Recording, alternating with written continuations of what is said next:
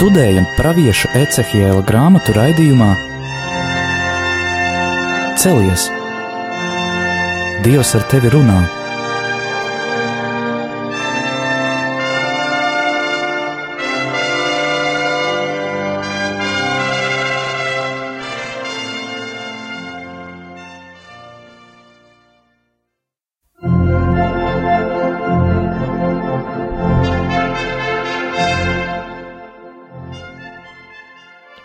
Slavēts Jēzus Kristus. Mūžīgi mūžos slavēt.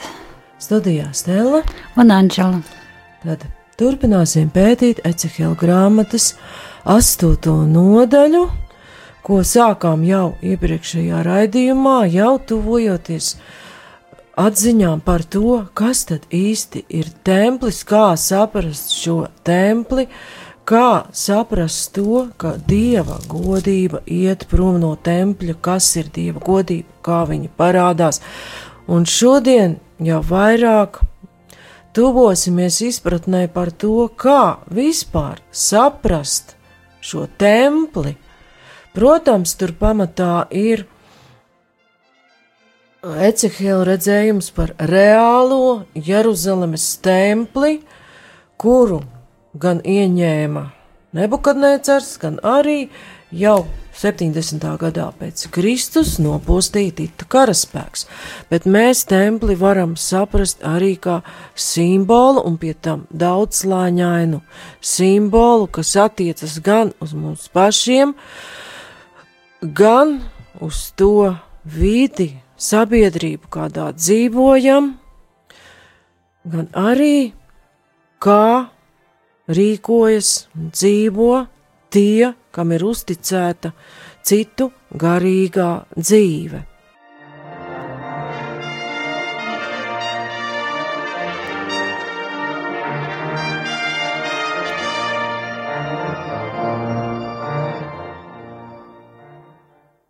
Tātad astotajā nodaļā mēs redzam, Ecehelam tiek rādīts templis, viņš ir aiznests Jeruzalemē uz šo templi. Un Jeruzaleme parasti jau saistās ar vietu, kur mājo dievs, un jaunās derības beigās mēs jau lasām par debesu Jeruzaleme, kurā templis vairs nebūs, jo kungs pats mājos kopā ar savu tautu. Bet šeit mēs redzam, ka Ecehelam tiek rādīts tempļa iekšpuse, un viņš redz, ka tur ir tie, kam ir uzticēta liela atbildība, 70 vecai, pat nosaukts ir skaitlis, un vēlāk mēs jau sapratīsim, kāpēc, un interesantā veidā šis skaitlis saistās pat ar dažiem periodiem jau kristīgās baznīcas vēsturē, konkrētāk ar 16. gadsimtu. Bet to jau mēs varbūt pat tikai nākamajā raidījumā varēsim runāt, kāda tad tur ir skaista saistība. Bet kā mēs varam saprast templi? Mēs to varam saprast vairākās nozīmēs. Vispirms jau attiecībā uz mums pašiem - cilvēks kā gara templis. Un arī šajā templī var būt tie tumšie kambari, kuros, kā mēs redzam, Ecihela grāmatā, sēž tie vecai, vēl tālāk uz astotās nodaļas beigām redzam, ka tur vēl kādi 25 vīri, kuri ir pagriezuši pat muguru kunga templim un jau pielūdz sauli ar vaigu pret rītiem, un šī saules pielūkšana ir minēta atkārtoto likuma grāmatas 17. nodaļā un kā tāds Tā tad aizliegums ir kunga aizliegums uz šo elgdievības kultu. Un redzam, ka tas viss notiek tumsā, katrs kaut ko dara savā kambarī, astotā nodaļā, desmitā pantā, Ecihela grāmatā mēs lasām, kas te tur ir redzams. Kad es iegāju, es redzēju tur dažādu rāpuļu un nešķīstu dzīvnieku un arī dažādu Izraēlu namu elku attēlus, kas visapkārt bija uzzīmēti uz sienas. Un tā tad rāpuļi, nešķīsti dzīvnieki, tas viss ir telpas iekšpusē, kur atrodas tie, kam ir jābūt atbildīgiem tautas garīgajiem vadītājiem. Un cilvēkam jau pašam arī jābūt atbildīgam par savu garīgo dzīvi, par to, kas notiek viņa iekšienē. Jeb kā Anžēla pat ir atradusi tekstu Jāņa evaņģēlijā, ka cilvēkam jābūt ir atzimušam no augšienes, lai viņš varētu būt šis dieva templis. Un vēl 12. pantā, Ecihela grāmatas 8. nodaļā mēs lasām, viņš man sacīja, vai tu redzēji cilvēka bērns, ko Izraēla nama vecai šeit dara tumsā, ik viens savā elka telpā, jo tie saka, tas kungs mūs neredz, tas kungs ir atstājis šo zemi. Tātad te ir arī tā gan lielu sabiedrību vadītāju līmenī, gan mūsu pašu līmenī, nu, var darīt tumsā, tas kungs neredz. Tātad pirmajā līmenī mēs saprotam, ka templis ir arī cilvēks, kuru kungs ir radījis. Cilvēks kā svētā gara templis, un Īpaši tam pievēršas apustulis Pāvils vēstulē korintiešiem. Un ar šiem tekstiem arī varētu būt tā, ka dažkārt viņu saprot ļoti šauri un attiecina tikai uz kādu vienu sfēru, kaut gan jāņem ir vērā šis konteksts, ka tas ir rakstīts Korintas draudzei, un tad jāzina, kas tā Korinta tāda bija un kas tur notika. Tad kāpēc apustuls Pāvils tieši tā raksta? Un pirmā vēstulē korintiešiem viņš raksta trešā nodaļa, viņš pat divās vietās tur raksta to. Trešā nodaļa, 16. un 17. pants. Vai jūs nezināt, ka jūs esat dieva nams un ka dieva gars jūsos mājo? Ja kas dieva nama samaitā, to dievs samaitās. Jo dieva nams ir svēts, tas jūs esat. Lai neviens sevi nepieviļ, ja kas jūsu starpā tur sevi par gudru šīs pasaules lietās, tam jātop ģeķim, lai tas kļūtu gudrs, jo šīs pasaules gudrība ir dieva gudrība, dieva priekšā ģeķība, jo ir rakstīts, viņš satver gudros viņu viltībā, un atkal tas kungs pazīst gudro domas, ka tās ir tukšas. Tā runā apustuls Pāvils par cilvēku kā dieva templi, pirmajā vēstulē korintiešiem trešajā nodaļā, bet viņš šo domu arī atkārto. Un tā ir pirmā vēstule korintiešiem, sestā nodaļa, kur viņš izvērš to plašāk, un tur jau mēs varam savienot ar katra dzīvi, ar to, kā mēs rīkojamies katrā gadījumā. Tur savienojas pat ļoti liela brīvība, bet, lai to spētu lietot, ir tiešām vajadzīgs tas, par ko es pēc apstuļu Pāvila vēstules citēšanas jau lūkšu nolasīt Anģelē un runāt par to tuvāk. Tad sestā nodaļā, pirmajā vēstulē korintiešiem, apustulis Pāvils atkal atgādina mums, jeb vai jūs nezināt, ka jūsu miesa ir svētā gara mājoklis, kas ir jūsos, un ko jūs esat saņēmuši no Dieva, un ka jūs nepiedarat sev pašiem, jo jūs esat dārgi atpirkti. Tad nu pagodiniet Dievu ar savu miesu. Un iepriekš tur ir diezgan garš teksts, Vispirms es nolasīju, it kā šķiet neloģiski, bet iepriekš apustulis Pāvils izvērš tādu diezgan pamatīgu un pat draudīgu uzrunu, ar kuru varētu sākties problēmas, ja to attiecina tikai uz vienu šauru sfēru. Bet, saprotot to jau plašāk, šis fragments pat ir saistāms ar pāvesta Franciska mācību, kā cilvēks nonāk līdz tai samaitātībai, ka viņam liekas, ka viņ viss ir labi. Apostols Pāvils raksta tādus vārdus, kas arī nu, varētu likties ļoti vilinoši.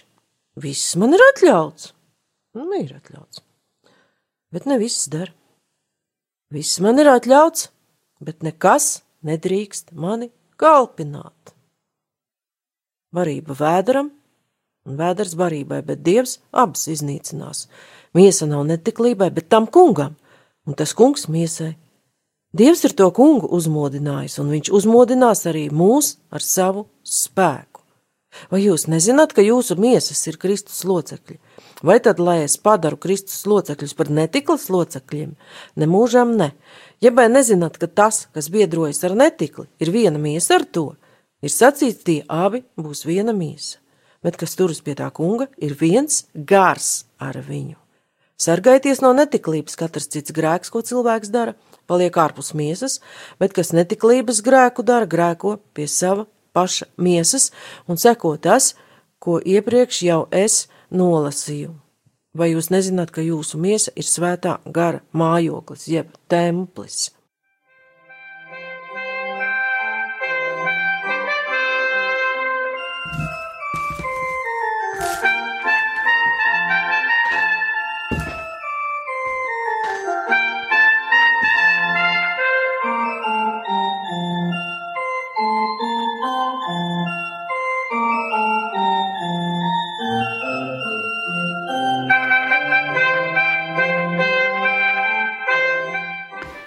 Šeit mēs arī varētu izlasīt Pāvila vēstuli Efeziešiem, 4. nodaļā. Tad teikts, tad tu no bažās slēgt sava kunga dēļ, es jums mudinu.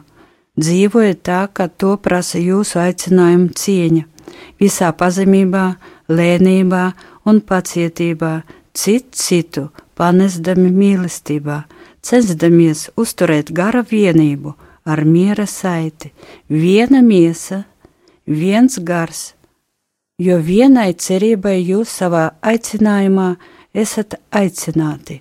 Viens kungs, viena ticība, viena kristība, viens visu dievs un tēvs, kas par visiem, ar visiem un iekš visiem. Paldies! Tad šeit Anģela nolasa šo apstuļu Pāvila izteikumiem par to, kāds ir šis ideālais veids, kā varētu šis cilvēka miesas templis pastāvēt, un kāpēc arī Pāvils sauc cilvēku miesu par templi, mēs varam atcerēties arī Jāņa Vaņģelijā, ko pats Kristus saka, noplēsiet šos templi trijās dienās, un, un trijās dienās es to uzcelšu. Bet viņš runā pa miesas templi, un turpretī tie, kas viņu klausās, likuma zinātāji pārprot, viņi domā to akmeņiem un zeltīto templi, kuru, kad noplēsa tita karaspēks, tas vairs nav atjaunots līdz šai dienai.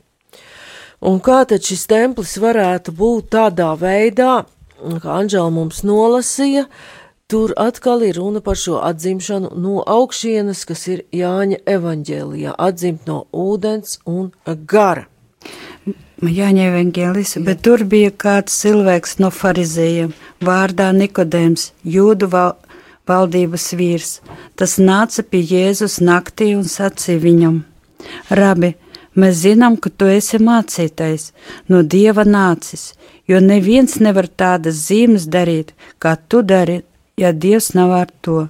Jēzus atbildēja: Patiesi, patiesi es tev saku, ja cilvēks nepiedzimst no augšienes, neredzēt tam Dieva valstības. Nikodēms saka viņam, kā cilvēks var piedzimt vecs būdams, vai tad viņš var atgriezties savas mātes miesās un atkal piedzimt? Jēzus atbildēja: Patiesi, patiesi es tev saku, ja kāds nedzimst ūdenī un garā, netik tam dieva valstībā. Kas no miesas dzimis, ir miesa, un kas no gara dzimis, ir gars. Nebrīnīties, ka es tev esmu sacījis, tev jāpiedzimst no augšienes. Vējš pūš, kur gribēdams, un tu dzirdi viņu pūšam, bet nezini, no kurienes viņš nāk un kurp viņš iet Tāpat ir ar, ar ikvienu, kas piedzimis no gara. Nikodējums atbildēja un viņam sacīja, kā tas var notikt? Jēzus atbildēja un viņam sacīja: Tu esi Izraēla mācītājs, un to tu nezini? Patiesi, patiesi es tev saku, mēs runājam, ko zinām, un liecinām, ko esam redzējuši, bet jūs mūsu liecību nepieņemat. Ja jūs neticat, kad esmu es jums stāstu par zemes lietām, kā jūs tie ticēsiet, kad es jums stāstīšu par debesu lietām. Paldies! Tātad šeit, lai šis templis būtu gara cienīgs, ir vajadzīga šī piedzimšana no augšienes, un arī apustuļa Pāvila pirmajā vēstulē korintiešiem sestajā nodaļā mēs jau redzējam, ka Pāvils nostata šo miesu pret garu, Te pašā laikā viņus savienojot, un mums varētu likties dīvaini, kāpēc viņš tik daudz tur runā par to biedrošanos ar netiklību un netiklības grēko pie paša miesas. Uzreiz rodas tieksme to attiecināt tik tiešām tikai uz tādām cilvēku starppersonu attiecībām viszemākajā miesas līmenī.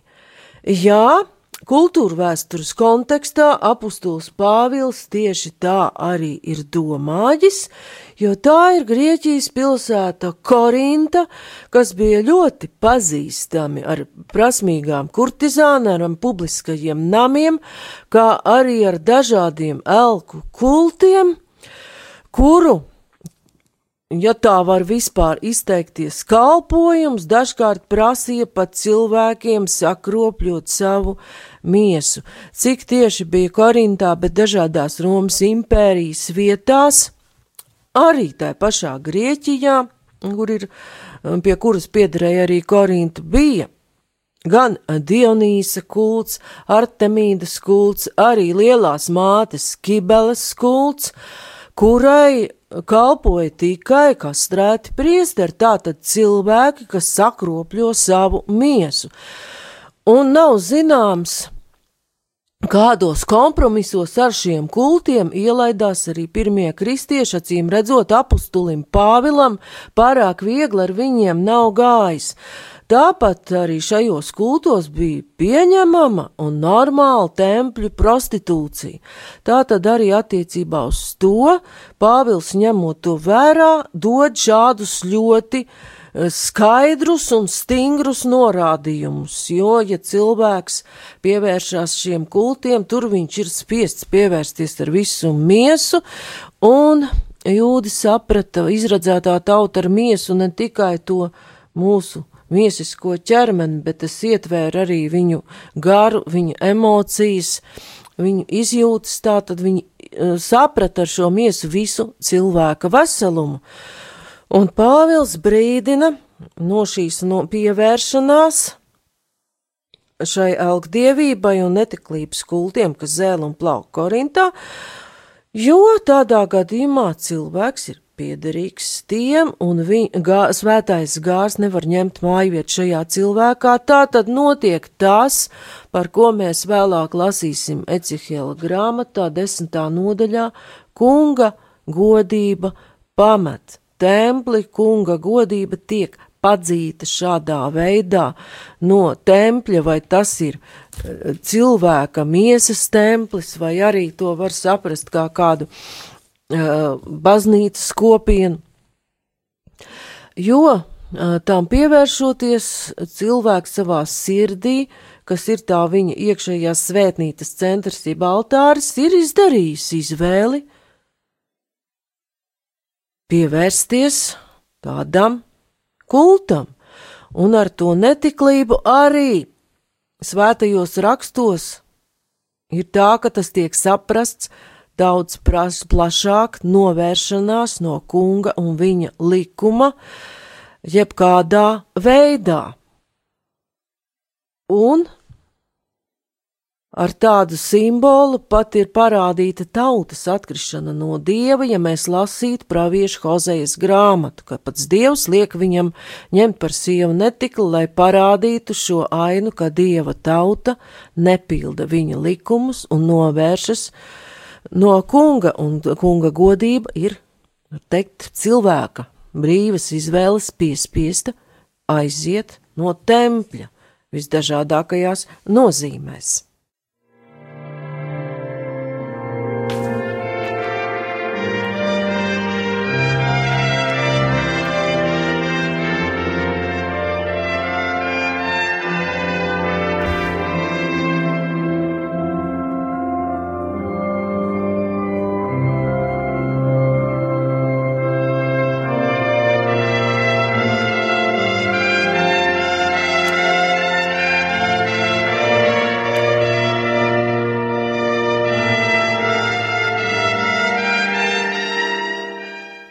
Tad apustulis Pāvils ir pateicis ļoti skaidri par šīm ļoti konkrētajām lietām, bet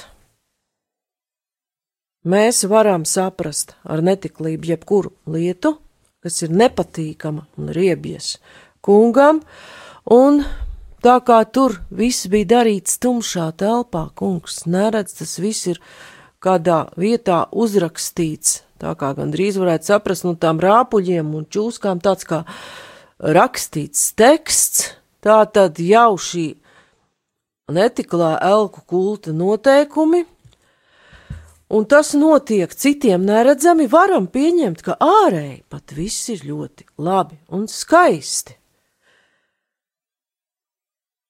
Un kā tas var notikt, ja cilvēkam viss ir ārēji labi, viņš dzīvo ārēji pareizu dzīvi, nekādā ārēji redzamā netiklībā nav ielaidies ne pretējā, ne savu dzimumu personām, var būt arī tad, kad cilvēks tomēr ir ielaidis savā sirds uh, tempļa altārī visas šīs uh, čūskas un rāpuļus, jo ir cita veida rīcība, kas ļauj tomēr teikt, jā, ir ienākuši šī netiklība, jo apustuls Jēkabs brīdina no vienas ļoti tādas lietas, kas mums daudziem ir klupšanas akmens, un var teikt pilnīgi visiem, jo no tā ir ļoti grūti izvairīties. Mēles grēki. Apustuls Jēkabs, trešā nodaļa, otrais pants, viņš par pilnīgu cilvēku sauc kādu. Nē, nu viņš nesaka viss tieši par klusēšanu. Jo, nu kā tu klusēdams, jā, arī ar savu rīcību tu vari sludināt Dievu vārdu. Bet, eh, nu, ticība nāk no dzirdēšanas, tā tad tā mēle kaut kur ir eh, tomēr vajadzīga, bet,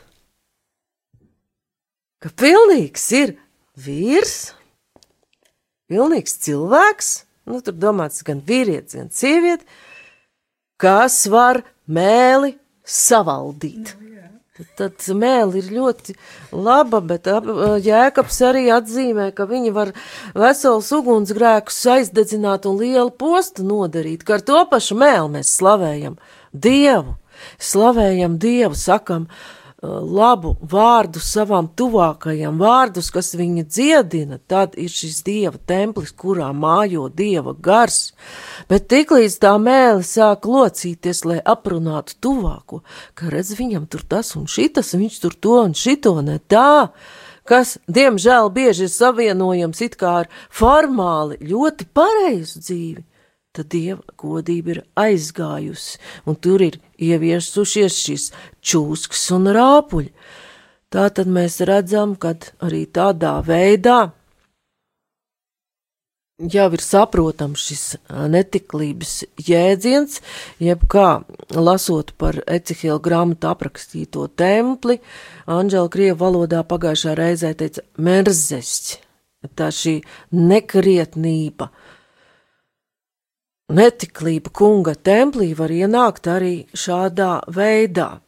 Un es arī gribēju izlasīt vēl Pāvila otrās vēstules korintiešiem ceturtās nodaļas trešo pantu, ceturto par, ja mūsu evaņģēlijs ir aizsakts, tad tas ir aizsekts tiem, kas pazūd, kuriem šīs pasaules dievs ir apstulbojis neticīgo sirdi, ka tiem nespīd Kristus godības evaņģēlie gaišums, kas ir Dieva attēls. Paldies!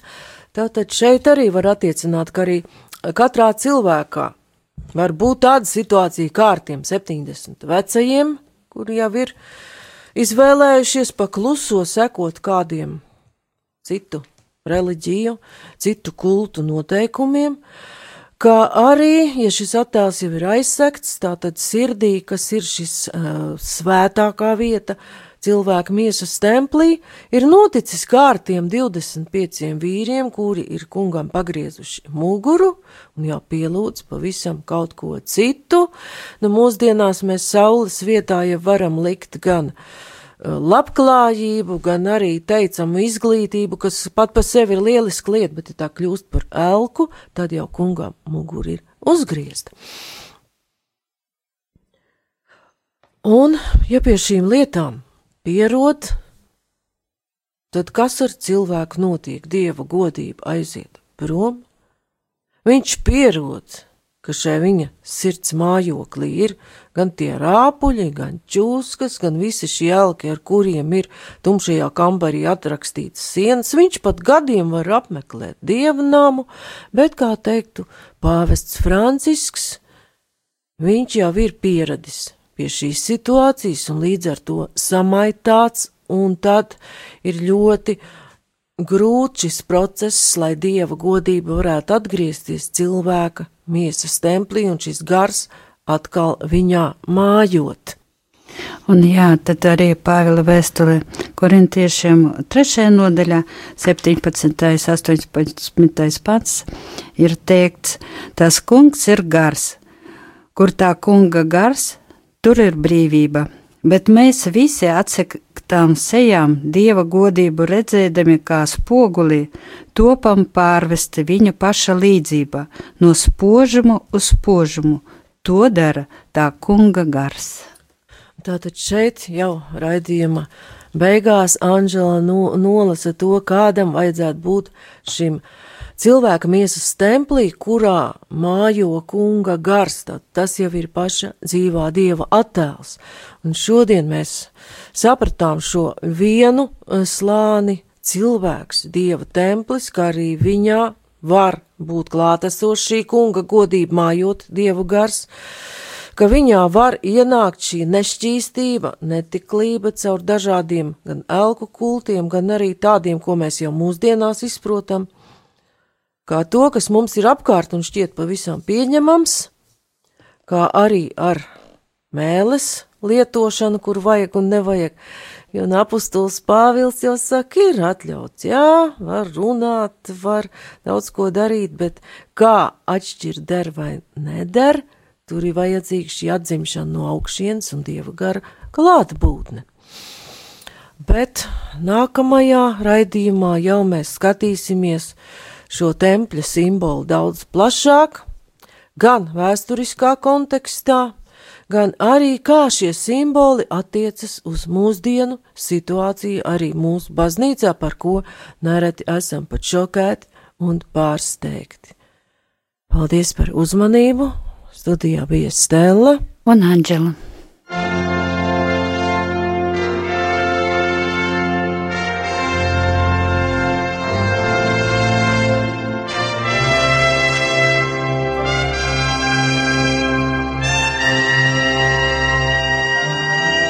Izskanēja raidījums Celies! Dievs ar tevi runā!